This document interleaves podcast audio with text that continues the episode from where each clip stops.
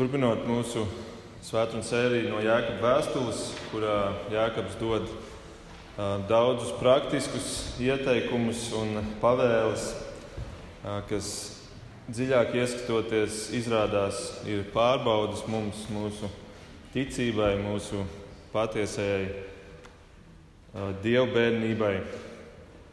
Tad mēs esam nonākuši līdz otrajai nodaļai, kuru arī Arvis lasīja ievadā, un šodien domāsim par tēmu dzīva ticība vai dzīvā ticība. Pasaules vēsture ir pilna ar dažādām mācībām. Ir, ir kādas labas, celsmīgas, un ir daudzas, kuras ir maldinājušas cilvēkus un kuras ir graujošas. Un starp tām ir atrodams arī tādas, kas cilvēci ilgus gadsimtus pat ir maldinājušas kur beigās atklājās, ka tā mācība ir novedusi pie tieši pretējā nekā gaidīts. Izraisījusi pretējo efektu nekā, nekā bija gaidīts. Nevis atrisinot problēmu, bet to tikai padziļinot, pavairojot.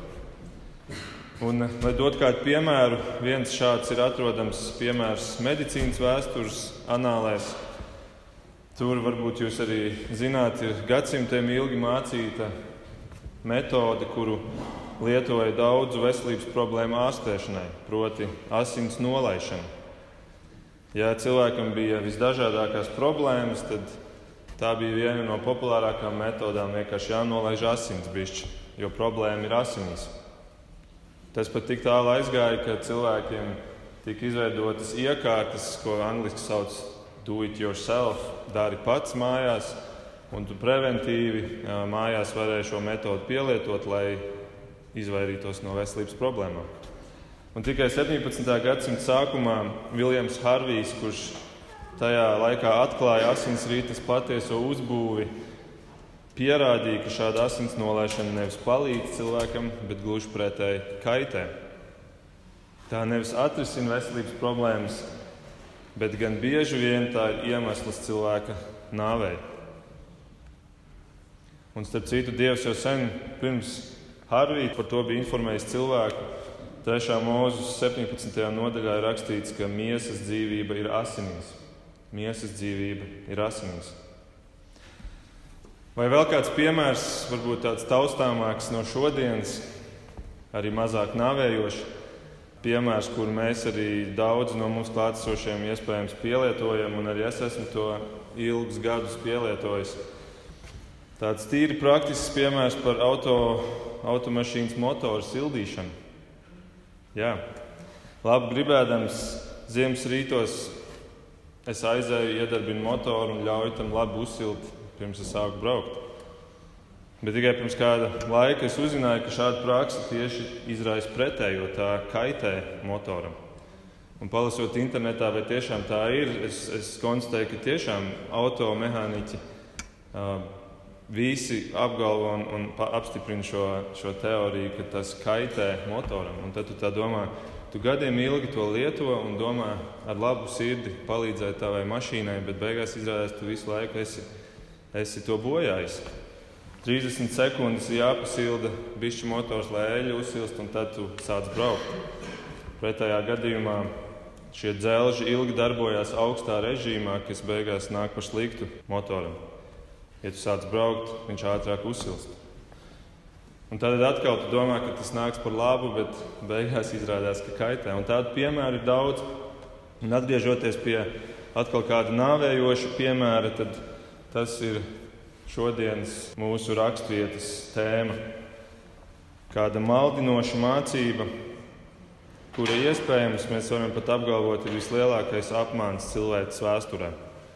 Un tā ir mācība, par kuru Jēkabs šodien raksta šajā otrajā nodaļā savā vēstulē, no 14. līdz 26. pantam. Jūs varat atvērt vaļā, paturēt vaļā savās bībelēs. Un apmāns ir tas, ka cilvēks domā, ka pietiek tikai ticēt Dievam. Pietiek ticēt Dievam, neapzinoties, ka pastāv divu veidu ticības. Kā Jānis saka, viena ir dzīva ticība, bet otra ir mirusi, nedzīva ticība. Jēkab vēstule ir pilna ar praktiskiem ieteikumiem un pavēlēm, un, un pat daudzi cilvēki, kuri nav saistīti ar kristietību, viņi citē šīs jēkaba domas kā tādus morālus standartus, līdzīgi kā ir arī ar kalnu svētrumu. Piemēram, Mahatma Gandhi citē ļoti daudz kalnu svētrumu, un viņš, viņš apgalvo, ka tie ir augstas morāles standarti. Un tomēr rūpīgi ielūkojoties rakstos, atklājas, ka tie nav tikai ieteikumi pieklājīgam dzīvesveidam vai labas uzvedības likumi, bet tie ietver daudz dziļāku un tālajošāku būtību. Piemēram, apskatoties uz šodienas tekstu, mēs redzam, ka šeit minēts tātad tāds kāda māsa vai brālis, kurš ir trūkumcietējis, kuram būtu jāpalīdz. Un ir viegli apstāties pie domas, ka šī teksta galvenā mācība ir, ka tev ir jāpalīdz ar darbiem, nevis jārunā tikai ar vārdiem. Un lai cik šī vēsts ir pareiza un cik ļoti arī tā ir vajadzīga mums šodien, Tomēr tā nav galvenā doma šeit. Tā nav galvenā doma šeit. Jo Jēkabs lieto daudz nopietnāku valodu visā šajā rindkopā, šajā tekstā. 14. pantā viņš saka, vai ticība var viņu izglābt? Viņš lieto vārdu glābt. 17. pantā viņš saka, ka ticība ir mirusi, tātad te ir runa par nāvi. 19. pantā ir runa, kad kāds tic un drēb, kas ir simbols Elē. Tad mēs šeit redzam, ka ir runa par glābšanu, par nāvi, par elli. 21. pantā ir vārds attaisnots, taisnošana. 23. pantā ir minēts pieskaitīts par taisnību. 24. pantā attaisnots, 25. pantā attaisnota. Un beigās 26. pantā mēs redzam divas reizes vārdu mirusi. Tad ļoti nopietna valoda. Te nav tikai runas par to, ka tev ir jābūt, jāizturās labāk pret savu tuvāko. Tev ir jāpalīdz trūkumcietējiem. Tas viss ir pareizi un tas viss ir jādara. Bet šeit uzsvers nav uz dari otram labu. Bet šeit runa ir par mani. Un kā mēs redzam, šis jautājums izšķir mūsu mūžību. Jēkabs šo domu sāka ar retorisku jautājumu, ko tas līdz, vai vecajā tulkojumā, ko tas palīdz? Ko tas līdz? Un tā doma, citiem vārdiem sakot, ir ticība tev var būt, jā, un tomēr tā tev var nenieka nelīdzēt. Nenieka nepalīdzēt. Un tādēļ viņš izdala šīs divas ticības. No 14. līdz 20. pantam viņš atklāja to nepatieso mirušo Un pēc tam otrajā daļā, no 21. panta, viņš runā un apraksta patieso dzīvo ticību. Un ir ļoti svarīgi, ka mēs šo dalījumu saprotam un apzināmies. Jo neizprotot to un liekot visu ticību tādā vienā katlā, ja mēs to darām, tad mēs radām augsni maldiem. Un tie ir tie maldi, par kuriem es ievadā runāju, kas ir apmānījuši daudzus. Pirms pāris nedēļām man bija kāda saruna ar kādu cilvēku pēc dievkalpojuma, un mēs ilgi runājām tieši par šo jautājumu. Un es sapratu, ka šim cilvēkam ka šī doma ir pilnīgi sveša. Jo doma ir, ja tu tici, tad tu esi glābts. Ja tu ar muti apliecini, ka tici Jēzum, tad tu esi glābts. Un tad šādā sakarā bieži vien tiek piesaukts romiešiem desmit, kur ir teikts, ja tu ar savu muti apliecināsi Jēzu par kungu un savā sirdī ticēsi, ka Dievs viņu uzmodinājis no mirušajiem, tu tiksi glābts. Mēs varam teikt, nu, kur tad ir tie maldi? Visi, kuri ar muti apliecina Jēzu, tiek glābti, tad taču ir skaidri rakstīts. Bet maldi sākās tur, kur mēs sagrozām Dievu vārdu. Un sagrozīt Dievu vārdu nozīmē arī, ka tu neņem visu Dievu vārdu kopumā. Tu lasi tikai to, ko tu gribi dzirdēt, un tu izvēlec ārā tās raksturvietas, kuras tu gribi dzirdēt. Jo viss dievvvārds kopumā māca kaut ko citu. Šeit Pāvils tikai akcentē, ka ir jābūt arī apliecinājumam ar muti, bez tā tu neiztiksi. Bet viņš šeit nesaka, ka tas ir viss.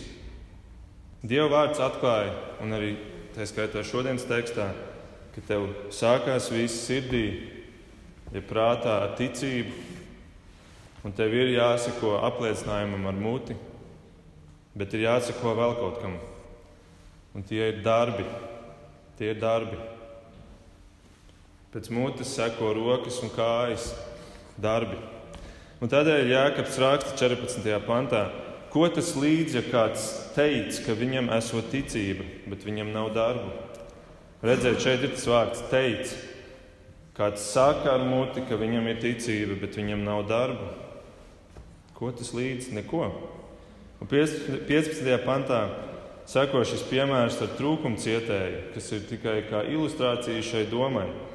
Ja brālis vai māsa ir kaila un bez dienasčās maizes, un kāds no jums viņiem saka, redziet, atkal ar muti saka, miers ar jums, lai jums silti un lai esat pēduši. Un tad mēs varam pasmīnēt un padomāt par to, cik banāli ir šāda uzvedība un ka mēs taču īstenībā tā ikdienā nedaram. Tāpēc šī ir ilustrācija šai iepriekšējai domai. Kāds ar mūti saka, un tad sako, bet nedodat viņiem neko no tā, kas miesai vajadzīgs. Tā tad nesako šie darbi. Tad Jēkabs atkal saka, ko tas līdz? Ko tas līdz? Ko tas līdz šim brālim un māsai, kurš ir trūkumā? neko nelīdz. Bet daudz svarīgāk ir, ko tas līdz man. Un tā atbilde ir tieši tikpat neko nelīdz. Jo, ja ar muti saku, ka man ir ticība, bet tai nesako darbi, tad tas viss ir viens liels blefs. Un Dievu priekšā neko, neko nelīdzēs šie mani vārdi. Tādēļ šis jautājums par šo ticību kombinācijā ar darbiem ir tas, kas ir vislielākais apmāns cilvēces vēsturē, kur tik daudz cilvēku ir apstājušies pie šiem vārdiem. Sātanam ļoti labi der šāda veida ticība, kura apstājās pie vārdiem, jo tā neizmaina cilvēku, tā neglābj cilvēku. Tā tikai apmāna, liekot domāt, ka man ir viss kārtībā, ka ir miers, kur miera nav. Un tādēļ Jēkabs turpina 18. pantā ar šo tēlaino sarunu. Viņš saka, bet kāds sacīs, tev ir ticība, bet man ir darbi? Tad parādi man savu ticību bez darbiem. Savukārt es parādīšu tev savu ticību ar saviem darbiem. Citiem vārdiem sakot, pastāv ticība bez darbiem un ticība ar darbiem. Tā ir tā galvenā doma, ko Jānis šeit grib teikt. Paskaties, ir divas dažādas atšķirīgas ticības. Un tad viņš 19. pantā paskaidro ar ilustrāciju atkal, kāda izskatās šī ticība bez darbiem, kam tā ir pielīdzināma. Viņš saka, arī dēmoni tic un drab. Arī viņiem ir ticība. Viņi var teikt, es ticu, ka Dievs eksistē. Es ticu. Atšķirībā no cilvēka, es redzu visu garīgo pasauli, un es redzu, ka Dievs ir, un es ticu, ka Viņš ir. Un tomēr man ir jādrab. Vai dēmoni tic, ka Dievs eksistē? Jā, bet vai dēmoni mīl Dievu un attiecīgi rīkojās? Atbildi nē. Tā ir tā ticība bez darbiem. Un mēs varam jautāt, vai cilvēks spēj tāpat rīkoties, kā šeit ir minēts par šiem dēmoniem? Jā, Protams, ir cilvēki, kuri netic Dievam, bet tad no tiem, kuri tic, mums ir jāsaprot, ka ir šīs divas ticības. Tā var būt tīri intelektuāla ticība, kuras ar prātu ticu Dievam, bet es negribu tikt ierobežots. Es gribu turpināt dzīvot kā, kā Dievs sev. Tā var būt arī nepareizos motīvos balstīta ticība, ka es ticu tikai tādēļ Dievam, jo man ir bail. Man ir bail, ka, ja nu, piemēram, eksistē tiešām tāda elle, tādēļ es ticu, bet es tomēr drebu. Es turpinu drebēt bailēs. Viltus, mirusī ticība. Bet tā doma ir, ka īstajai ticībai, dzīvējai ticībai sekos darbi, kuri apliecina, ka es mīlu Dievu. Ka es ne tikai ticu viņa eksistencei, bet ka es mīlu Dievu. Tad mēs varam uzdot jautājumu, labi, bet vai tas nozīmē, ka visiem, kuri, kuriem ir īstā dzīvā ticība, ka viņiem būs darbi? Atbilde ir jā. Īstajai ticībai vienmēr sekos darbi. Tā ir tā galvenā doma šeit, Jākaba šodienas vēstī mums. Īstajai ticībai vienmēr sekos darbi. Labi, bet tad otrs jautājums. Bet vai tas nozīmē, ka visi Jēzus vārdā veiktie darbi ir apliecinājums šai īstajai ticībai? Atbildi ir nē. Ne visi darbi ir derīgi. Ne visi darbi apliecina īsto ticību. Arī darbiem pastāv kvalitātes kritērija. Lai to paskaidrotu, es aicinu aiziet ar mani uz vienu raksturvietu Kalnu svētdienā. Jūs atceraties, ka ievadā es stāstīju, ka Jēkabā vēsturē ir ļoti daudz paralēļu ar, ar, ar Kalnu svētdienu. Vismaz 15 raksturvietas ir ar saskanīgiem motīviem no Kalnu svētdienas. Un arī šeit tā paralēlā raksturvieta, ja mēs tā varam teikt, ir Mateja evaņģēlijas 7. nodaļa, kur Jēzus runā par augļiem. Jūs varat atvērt Mateja 7, 16. pantu. Mateja 7, 16. Un tur Jēzus saka par augļiem. Tātad augļi ir tie paši darbi, ārēji redzamie, kur ar laiku veidojas. Viņš saka, jūs viņus pazīsiet pēc augļiem. Jūs viņus pazīsiet pēc augļiem. Vai tad kāds lasa vīnogas no ērkšķiem vai vīģis no dažiem?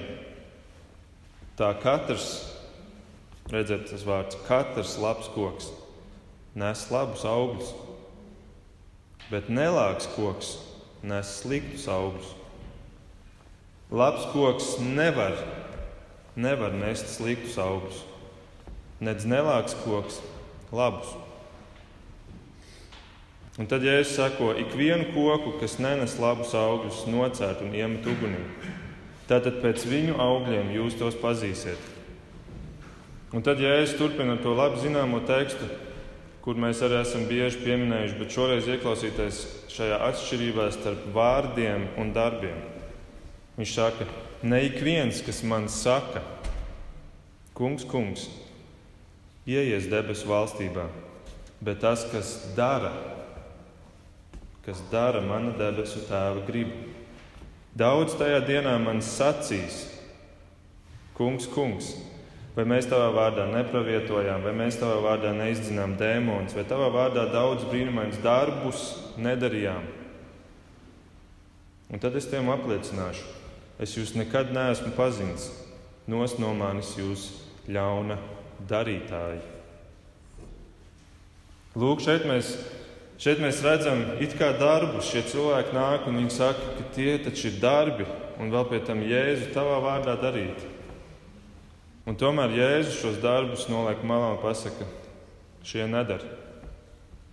Nederīga kategorija, kategorija ļauna darītāji. Kā to saprast? Tā un rodas šis jautājums, kas tad ir tie darbu kvalitātes kritēriji, kuri apliecina manu patieso īsto ticību? Un Jēzus atbild uz šo jautājumu ir kas dara mana debesu tēva gribu. Atbilstība debesu tēva gribai ir šis kvalitātes kritērijs. Šie cilvēki, kur nāca ar šiem darbiem, kas acīm redzot nebija saskaņā ar tēva gribu, viņi nāca un viņi uzskaita šos darbus, ka viņi pravieto, ka viņi demonus izdzēna un ka viņi brīnums dara. Starp citu, neviena no šīm trim lietām nav pavēlēta jaunajā derībā kristiešiem, draudzē. Mēs varam strīdēties par vārdu pravietot, jo tas vārds nozīmē arī mācīt no priekšas, tas pats grieķu vārds. Bet šīs lietas nav pavēlētas mums kā draudzē. Viņas ir gājušas līdzi apstuļiem, viņas parādās, bet viņas nav kā aktīva pavēle mums draudzē. Un no vienas puses jāpiebilst, ka paši par sevi jau šie darbi arī nav slikti. Bet problēma ir tajā, ka ja tu dari šos darbus, bet neizdari tos darbus, kuri ir pavēlēti Bībelē, kuri ir tā tēva griba, tad tu tikai un vienīgi apmāni sevi. Un problēma ar šiem darbiem ir tā, ka šos darbus ir ļoti viegli viltot. Viņus ir ļoti viegli viltot, pravietot, ka, es, ka Dievs man kaut ko ir teicis, un tagad es jums dodu šo savu pravietojumu. To ir ļoti viegli viltot. Brīnumu darīšana, dziedināšanas, kas notiek televīzijas dziedināšana dievkalpojumos. Tur ir garas epopejas, ja iedziļinās un palasa, kas aiz tā visa stāv un, un eh, cik no tā ir, ir tiešām tīri, kur tu vari apliecināt, arī medicīniski apliecināt, ka ir notikusi dziedināšanas. Šīs lietas ir ļoti viegli viltot. Papildus tam viņas ir ļoti pievilcīgas. Tādēļ bieži vien šie darbi piesaista vairāk nekā pats Kristus. Un tādēļ kritērijs ir darīt debesu tēva gribu, kas ir aprakstīta Bībelē, kas ir dota kā pavēle mums draudzēji. Un šie visi šie darbi, kurus šo, šie cilvēki šeit citē, viņi atklāja arī to skaidrojumu savā ziņā, kādēļ Jēzus tik bieži teica, lai neatklāja, kurš ir darījis šo dziedināšanas darbu. Jūs zinat, Bībelē viņš ir vairākas reizes saka, ka nesakiet, ka es tas biju. Es negribu, ka man piedēvē šos darbus un sāk sekot tādēļ, ka es esmu lielais brīnumdarbs.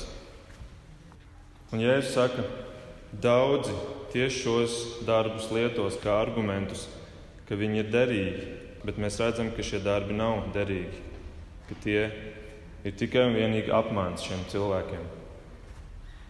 Un tie nav tikai kaut kādi daži cilvēki, bet tie ir daudzi. Jēzus saka, daudzi. Tātad ne visi darbi ir derīgi. Tad paliek svarīgākais jautājums, tad kuri darbi ir derīgi? Kuri ir tie darbi, kas apliecina, ka mana ticība ir īsta? Kur ir tie darbi, kas saskana ar debesu tēva gribu? Un es vēlos atlikušajā laikā apskatīt četru veidu darbus, īsi pieskarties pie katra un parādīt, kas ir tie darbi, pēc kuriem Bībele saka, mēs spēsim atpazīt cilvēkus, kuriem ir šī patiesā īstā ticība. Un pirmais un pats svarīgākais, ja tāds pamat jautājums ir, jeb nevis jautājums, bet uh, kategorija ir morālie darbi. Morālie darbi. Tātad vai šie darbi atbilst Dieva vārdam? Dievvvārds ir Dieva griba. Dievvvārds ir bauslība, likums. Un tas, kas nesaskan ar Dieva vārdu, tā ir nelikumība, ko Dieva vārds sauc par grēku. Tātad jautājums ir par to, vai tava dzīve attiecās nopietni pret grēku, vai tava dzīve atklāja, ka tu attīries kaut vai lēnām, bet attīries no grēka. Tas vārds augļi, tur ir pirmie trīs burti aug. Un augšana ir ilgs process. Tam ir vajadzīgs laiks, bet tomēr augšana iet vienā virzienā. Tā nesamazina to objektu. Objekts paliek lielāks. Un līdz ar to cilvēka svētumam vajadzētu palikt lielākam, un kur ir svētums, tur grēks samazinās. Grēks nekad nebūs apliecinājums patiesai ticībai un runa ir par grēku kā dzīvesveidu. Protams, mēs paklūpam un varbūt paklūpam atkal un atkal, bet vai tas virziens ved prom no šī grēka, vai tas dzīvesveids mainās? 1. korintiešiem 6, 9 un 10 Pāvils raksta, vai jūs nezināt, ka netaisnie neiemantos Dievu valstību? Nemaldiniet sevi.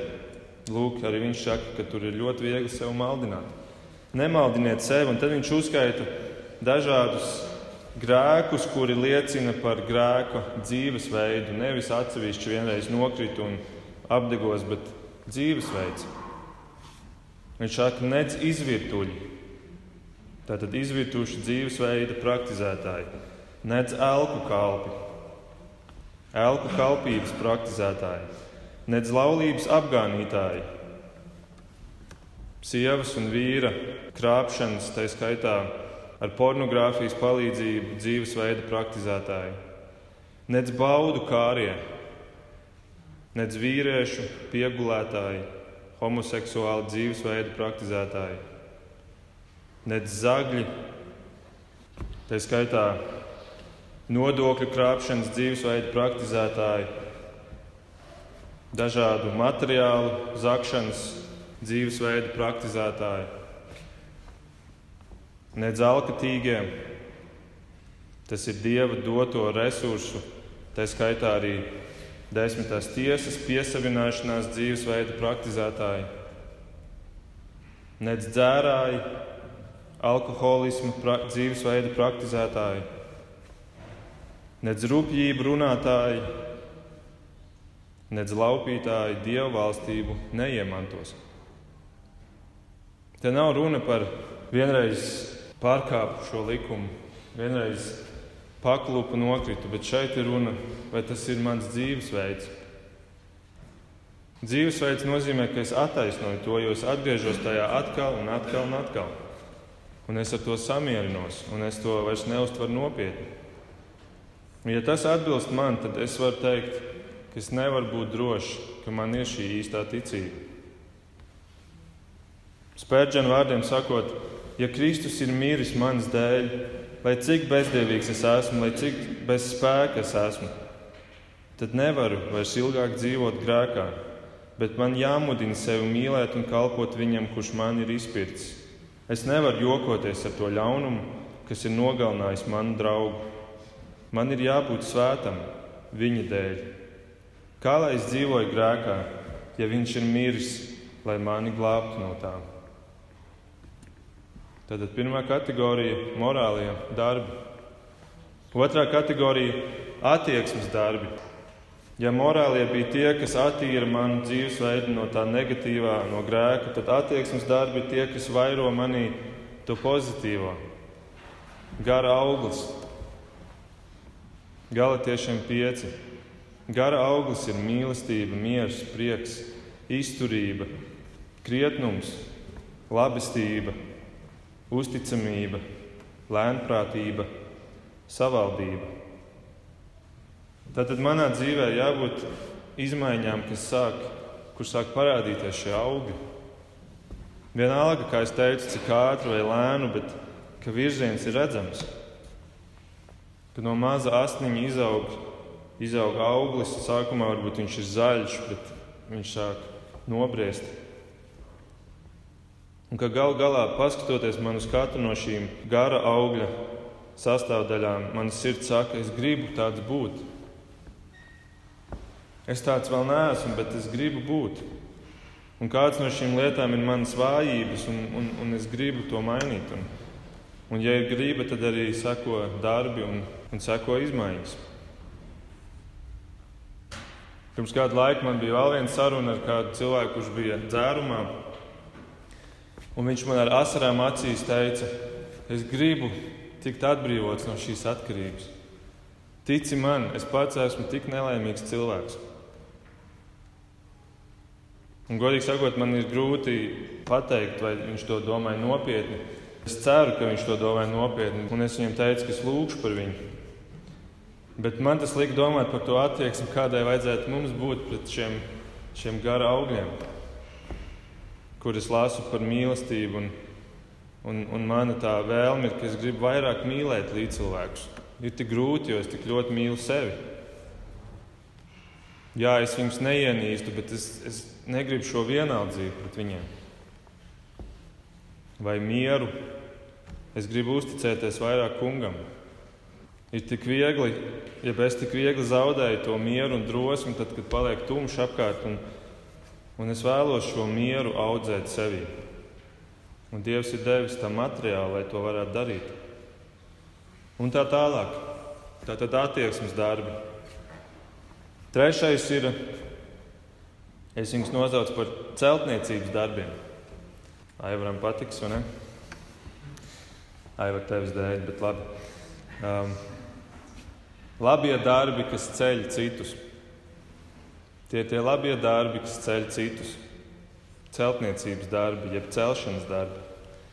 Galatiešiem 6, 2. Nesiet cits cita grūtumus, tā jūs piepildīsiet Kristus bauslību. Mainoties attieksmei un augot šim gara auglim, man arvien vairāk gribēsies nest cita grūtumus. Tas nozīmē celt citus. Un katrs kalpošanas darbs arī mūsu draudzē, tā ir citu celšana. Šodien pēc dievkalpojuma būs gada sapulce, un, un tur mēs atskatīsimies par padarīto, atskatīsimies uz tiem celtniecības darbiem, ar kuriem mēs esam cēluši citus, cēluši draugus, lai draugs var pēc tam celt tālāk citus, kur ir ārpus draudzes. Un notiks vēlēšanas, kur mēs ievēlēsim ar jūsu atbalstu četrus jaunus strādniekus, kuri ir gatavi atsaukties celtniecības darbiem, lai celtu citus. Un, ja tu to dari ar prieku un mīlestību uz cilvēku, tad tas ir apliecinājums īstajai ticībai. Un ne tikai draudzē, bet, protams, arī mūsu ikdienā ar cilvēkiem mums apkārt. Un ceturtā kategorija ir ticības soļi. Darbi, kas nevienmēr ir saistīti ar citu celšanu. Man tas nevienmēr nozīmē, ka kāds cits ir iesaistīts šajos darbos, bet tie ir darbi, kur, kur ir iesaistīts kungs un es. Kur no manis Dievs prasa spēt ticības soļus.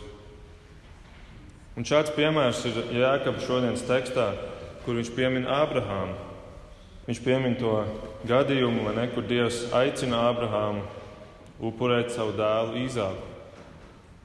Un Ābrahāms pierāda savu ticību. Viņš ir par spīti visai cilvēciskajai nesapratnē un par spīti visai neizpratnē par to, ka tas ir viņa dieva apsolītais vienīgais dēls, ar kuru pēc tam nāks pēcnācēji, kur būs tik daudz kā smiltis pludmalē. Par spīti tam viņš uzticās un seko dievam. Un arī mums tie bieži vien ir pārbaudījumu formā sagatavoti darbi. Tur nav vienmēr iesaistīti citi cilvēki, bieži vien tikai es un Dievs. Piemēram, veselības problēmas, kurām es ejot cauri, es atklāju ne tikai Dievam, bet arī saviem līdzcilvēkiem, ka mana ticība ir īsta. Šie pārbaudījumi nesadragās to vai kad man ir kādas finansiālas grūtības. Tas nav vienmēr saistīts ar citiem. Tas var būt šis ticības solis, kas man ir jāspēr. Un Jānis raksta 21. pantā, vai tad Ābrahāms, mūsu tēvs, netika attaisnots tieši darbu dēļ? Ābrahāmu attaisnoja šie darbi, jo tie liecināja par iekšējo ticību kungam. Un 23. pantā viņš saka, un tādēļ Ābrahāms tika saukts par dieva draugu. Ābrahamam nebija tikai šī ceturtā kategorija. Es ticu, ka viņam bija visas četras kategorijas, kuras, kur šie darbi liecināja par to, ka viņš tic dievam. Un viņam ticēt dievam bija daudz grūtāk savā ziņā nekā mums šodien, kur mums ir dieva vārds un kur mums ir pagātne, gadsimti, kur mēs varam atskatīties uz dieva darbiem. Ābrahamam tā visa nebija. Viņš bija pats sākums, pats sākums Izrēlam.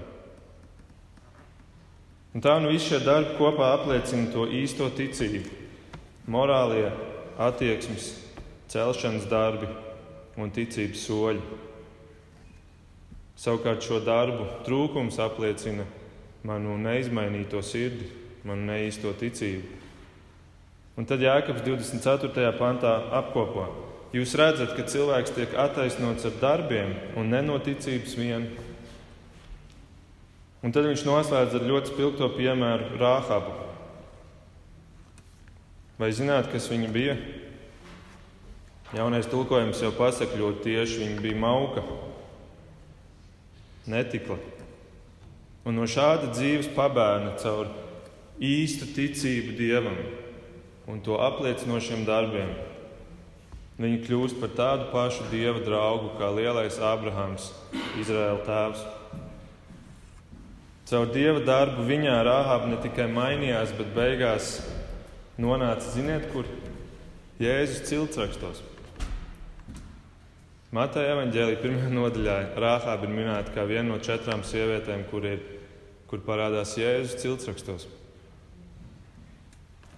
Lūk, ko spēja īstā ticība. Tā ir tik spēcīga, ka caur urbis visdrūmākajiem cilvēkiem tik spēcīga, ka tā parādās darbos. Tā nevar neparādīties darbos. Un ticība un darbi ir tieši tik cieši sasieti kopā Dieva vārdā šī iemesla dēļ. Vēlreiz Spērģena citējot, ticība un darbi ir sasieti kopā vienā sainī. Tas, kurš paklausa Dievam, uzticas Dievam, un tas, kurš uzticas Dievam, paklausa Dievam. Tas, kurš ir bez ticības, ir bez darbiem, un tas, kurš ir bez darbiem, ir bez ticības. Un pēdējā doma, kas, protams, ir jāpiemina, ka darbi nav glābšanas iemesls. Mēs to nedrīkstam pārprast. Bet darbi ir glābšanas pierādījums. Un, kad Dievs glābi cilvēku, Viņš izliek šī cilvēka dzīves ceļā darbus, iepriekš sagatavotus, lai cilvēks tos izdzīvotu un lai tajos dzīvotu. Efeziešiem 2. Pāvils raksta, jo žēlastībā jūs esat izglābti caur ticību, kas nenāk no jums. Tā ir Dieva dāvana, un tas arī nav no darbiem. Redziet, darbi nav iemesls, bet mēs paši esam viņa darinājums, Kristu Jēzu radīti labiem darbiem, kurus Dievs iepriekš sagatavojis, lai mēs tajos dzīvotu. Tad kāda ir mana šodienas apņemšanās? nodot sevi Kristus žēlastībai un viņa spēkā izdzīvot tos man sagatavotos darbus. Un tā kā tos ir sagatavojis pats Dievs, tad tiem ir liela nozīme, draugi. Šiem darbiem ir liela nozīme. Noslēgšu ar izcilā evanģēlista Dvaita Mūdī vārdiem, kura darbi paši par viņu ir daudz liecinājuši. Viņš raksta: Es esmu tikai viens bet esmu viens. Es nevaru izdarīt visu, bet varu izdarīt kaut ko. Un to, ko es varu izdarīt, Dieva žēlastībā, es izdarīšu. Lūksim. Debes Tēvs, paldies par, paldies par Jēkabu, Jēzu, kurš bija tavs brālis, tavs pusbrālis, un kuru tu izmainīji, un kura darbi tik plaši izplēta tavu valstību šeit uz zemes. Un paldies, ka viņš atstāja arī tevis iedvesmoto vārdu, un ka caur to arī mēs varam mācīties. Un, un es lūdzu, ka tu arī tāpat kā tu izmainīji Jēkabu, un kā tu izmainīji Ābrahāmu, un kā tu izmainīji Rāhabu, ka tu arī mainītu mūs, un ka tu ļautu mums darboties tavā spēkā. Ļautu mums iegūt šo, šo drošības sajūtu, ka mēs esam dzīvojam ar šo patieso ticību un ka mēs varam darboties un rādīt šos augļus tavam godam un cilvēkiem par svētību. Un, ja mēs tos neredzam savā dzīvē, Kungs, lūdzu, dod, ka mēs ar nopietnību nāktu tavā priekšā un pārbaudītu, lai kādu dienu mums nebūtu jāstāv tavā priekšā un tev nebūtu jāsaka, ka mūsu darbi bija nederīgi. Tā ir mūsu lūkšana Jēzus vārdā. Amen!